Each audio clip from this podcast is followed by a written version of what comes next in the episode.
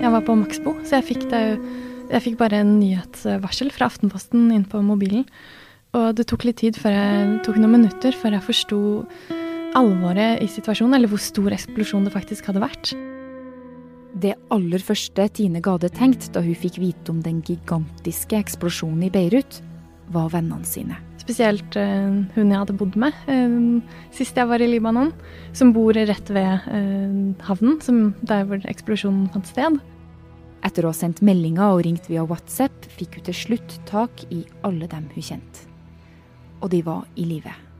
Men veldig mange har fått husene sine eller hjemmene sine skadet. Og de som ikke har fått hjemmene sine totalødelagt i Beirut, har jo hatt det store skader, i hvert fall rutene er knust osv. Og, og så begynte hun å tenke på landet.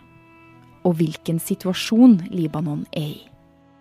For Tine Gade forsker på Libanon ved Norsk utenrikspolitisk institutt, og har vært i Beirut mange ganger. Nei, er, jeg tenkte jo at dette er helt grusomt, og egentlig at det er veldig uvirkelig. Det kommer virkelig på det verst tenkelige tidspunktet du hører på Forklart fra Aftenposten. Jeg heter Marit Eriksdatter Gjelland, og i dag er det torsdag 6. august.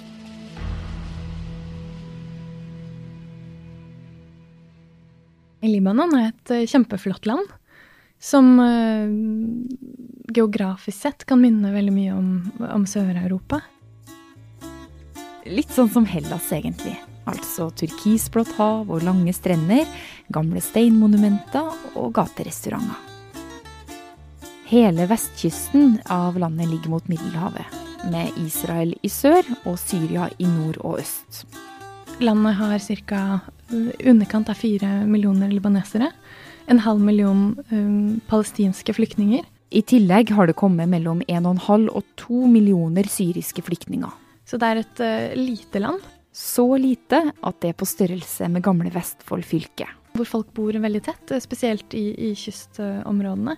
Det er et land hvor det er veldig kult å være turist. Det er masse barer og restauranter, strender. Man kan leve veldig godt hvis man har penger, men det er også et land med enorme sosiale forskjeller. Hvor uh, rike og fattige bor veldig tett uh, på hverandre, og det er ganske brutalt å se. Uh, hvordan eh, noen har det, spesielt eh, gitt den økonomiske og finansielle krisen som landet har opplevd eh, i senere år, som har gjort at fattige nå egentlig sulter i hjel, mens middelklassen er blitt fattige. Og eksplosjonen denne uka var bare den siste i rekka av mange, mange kriser for det lille landet. I Libanon finnes det så mange som 18 religiøse grupper det er tre som er største, og det er eh, kristne, eller hovedsakelig noen som heter maronittkristne, som er katolikker. og så sunni- og shia-muslimer. Det er ca. en tredjedel av hver. Og de her har stått mot hverandre i forskjellige konflikter. Så Libanon er internt veldig sammensatt. Og det trenger ikke føre til krig, men det som er problemet med Libanon, da, er jo at eh, det er en veldig ustabil region, hvor det er veldig mange land, f.eks. Iran og Saudi-Arabia, som forsøker å støtte best mulig eh, sine egne trosfeller internt i Libanon, for å øke sin makt i, internt i Libanon som land. De her ulike gruppene har lenge kjempa om makta i det libanesiske samfunnet. Og det førte til en blodig borgerkrig fra 1975 og til 1990. Freden mellom libaneserne har holdt seg, og ødelagte deler av hovedstaden fikk nye fancy bygg i glass og stein. Men de siste årene har ikke vært snill med landet. Og Libanon har havna i krise etter krise. Politisk krise, sikkerhetskrise relatert til forrige, flyktningkrise, økonomisk krise, det man kanskje kan kalle miljø- og søppelkrise, finanskrise, enda en ny politisk krise, og så koronakrise. Vi skal ta dem én og én her. Først den politiske krisa. Og den henger sammen med konflikter mellom de religiøse gruppene, som gjerne blir kalt sekter eller sekteriske grupper. For dem er bygd inn i det politiske systemet. Og det er kvoter i eh, parlamentet og statsforvaltningen eh, til alle disse gruppene. Og det er også sånn at eh, presidenten må være maronittkristen. statsministeren må være sunnimuslim, og lederen for parlamentet må være sjiamuslim. Så bruker de veldig ofte det man kaller sekterisk eh, språk. Det vil si at man eh, snakker, sier stygge ting mot, eh, om eh, andre religiøse grupper. F.eks. sunnimuslimer eh, bruker anti-shia-retorikk eh, og motsatt. Da. Og det fører til at det blir veldig dype motsetninger mellom religiøse grupper, eller mellom sektene. Men så er det altså de politiske spenningene, i hvert fall sånn jeg tolker det, som egentlig er styrende her, da. Men religionen blir på en måte et virkemiddel. I tillegg er landets politikere stort sett fra rike familier. Og et sete i parlamentet går gjerne i arv. Med den makta kontrollerer de her familiene hvem som skal få økonomisk støtte. Og de som får det, er gjerne dem selv. Eller venner. Typisk korrupsjon, tenker du kanskje.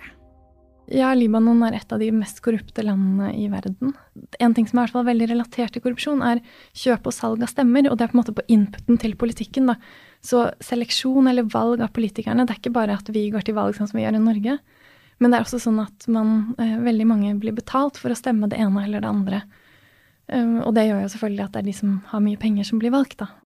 Så det er på den ene siden. Mens på den andre siden, noe som egentlig er enda mer alvorlig, er at de som først kommer til makten, og som eh, sitter i forvaltningen og regjering osv., de bruker staten veldig ofte, eller bruker ulike stats, eh, deler av staten, eh, som, som melkekuer, da.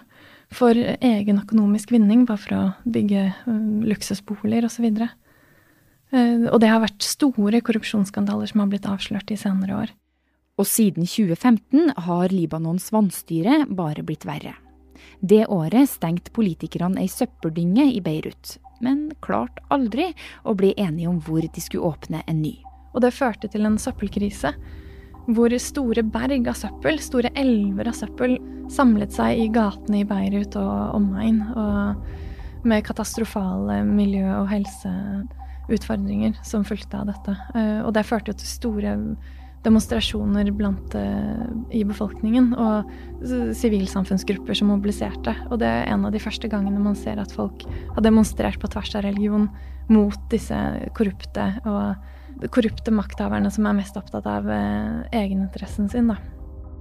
Siden søppeldemonstrasjonene har det vært flere nye protester, og i fjor samla en million libanesere seg i gatene demonstrasjoner mot korrupsjon, mot politikerne, og hvor befolkningen har krevd at regjeringen skal gå av, men også at eh, hele systemet skal reformeres. Og regjeringa måtte til slutt gå av. Men det er egentlig ingen som er fornøyd med den regjeringen som kom etterpå heller.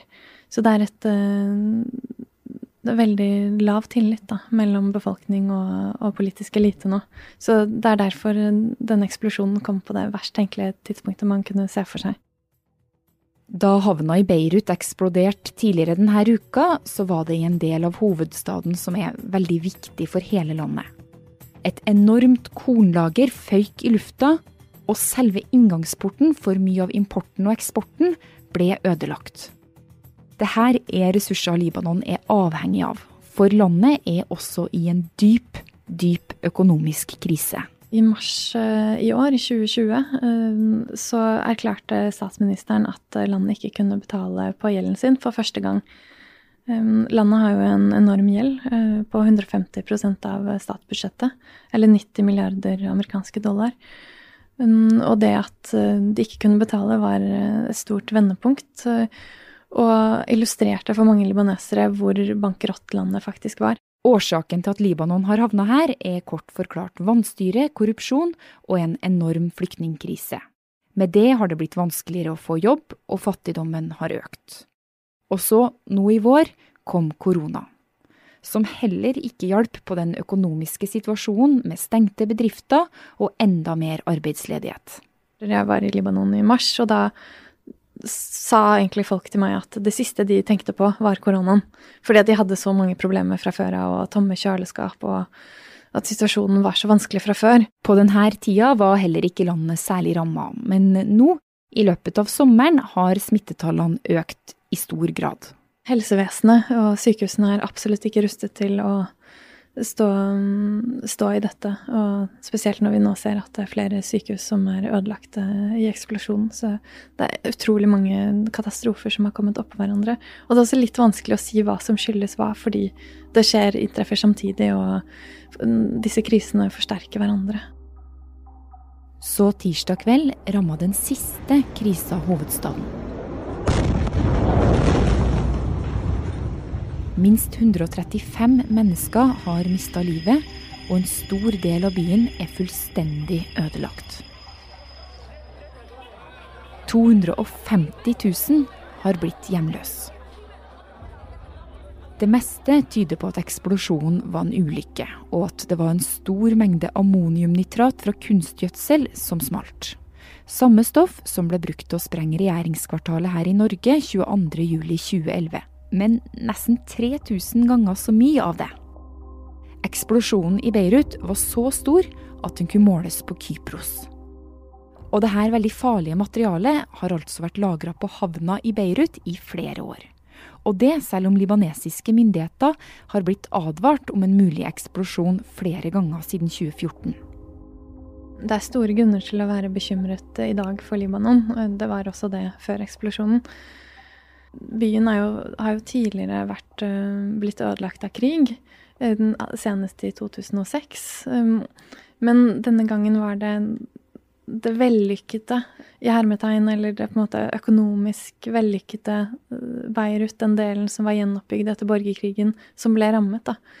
Og um, ikke, bare, ikke bare det, havnen er ødelagt og vil være det i lang tid fremover. Boliger, boligblokker, er kollapset. Um, så det er all grunn til å være bekymret for gjenoppbyggingen. Så det er ikke bare de økonomiske konsekvensene, men det er også det sammensuriet av, av økonomiske, uh, humanitære, politiske og sikkerhetsmessige utfordringer som landet står overfor, som gir all grunn til å bekymre seg, og som ja, Er det mulig, tror du, for Libanon å, å komme seg ut herfra? Ja, det er mulig. Vi ser, har sett uh, at uh, Libanon har reist seg mange ganger før. Landet har vært gjennom flere katastrofer enn man skulle tro var mulig, og flere katastrofer enn de fleste andre land eh, har opplevd. Men befolkningen har en enorm tilpasningsevne som gjør at de holder ut de fleste situasjoner, og eh, det er i hvert fall en veldig utdannet, veldig driftig befolkning. Eh, så mm, det er også, også, grunn til håp, og forhåpentligvis vil solidariteten bringe eh, befolkningen mer sammen. Og folk eh, tilbyr husly. Eh, velstående libanesere tilbyr at de som har mistet hjemmene sine, kan bo gratis på hotellene deres. Folk åpner virkelig hjemmene sine også, og det er fint å se. Vi får se hvordan det utvikler seg, men det er, alt er ikke mørkt. Men Libanon vil ha behov for enorm hjelp fremover.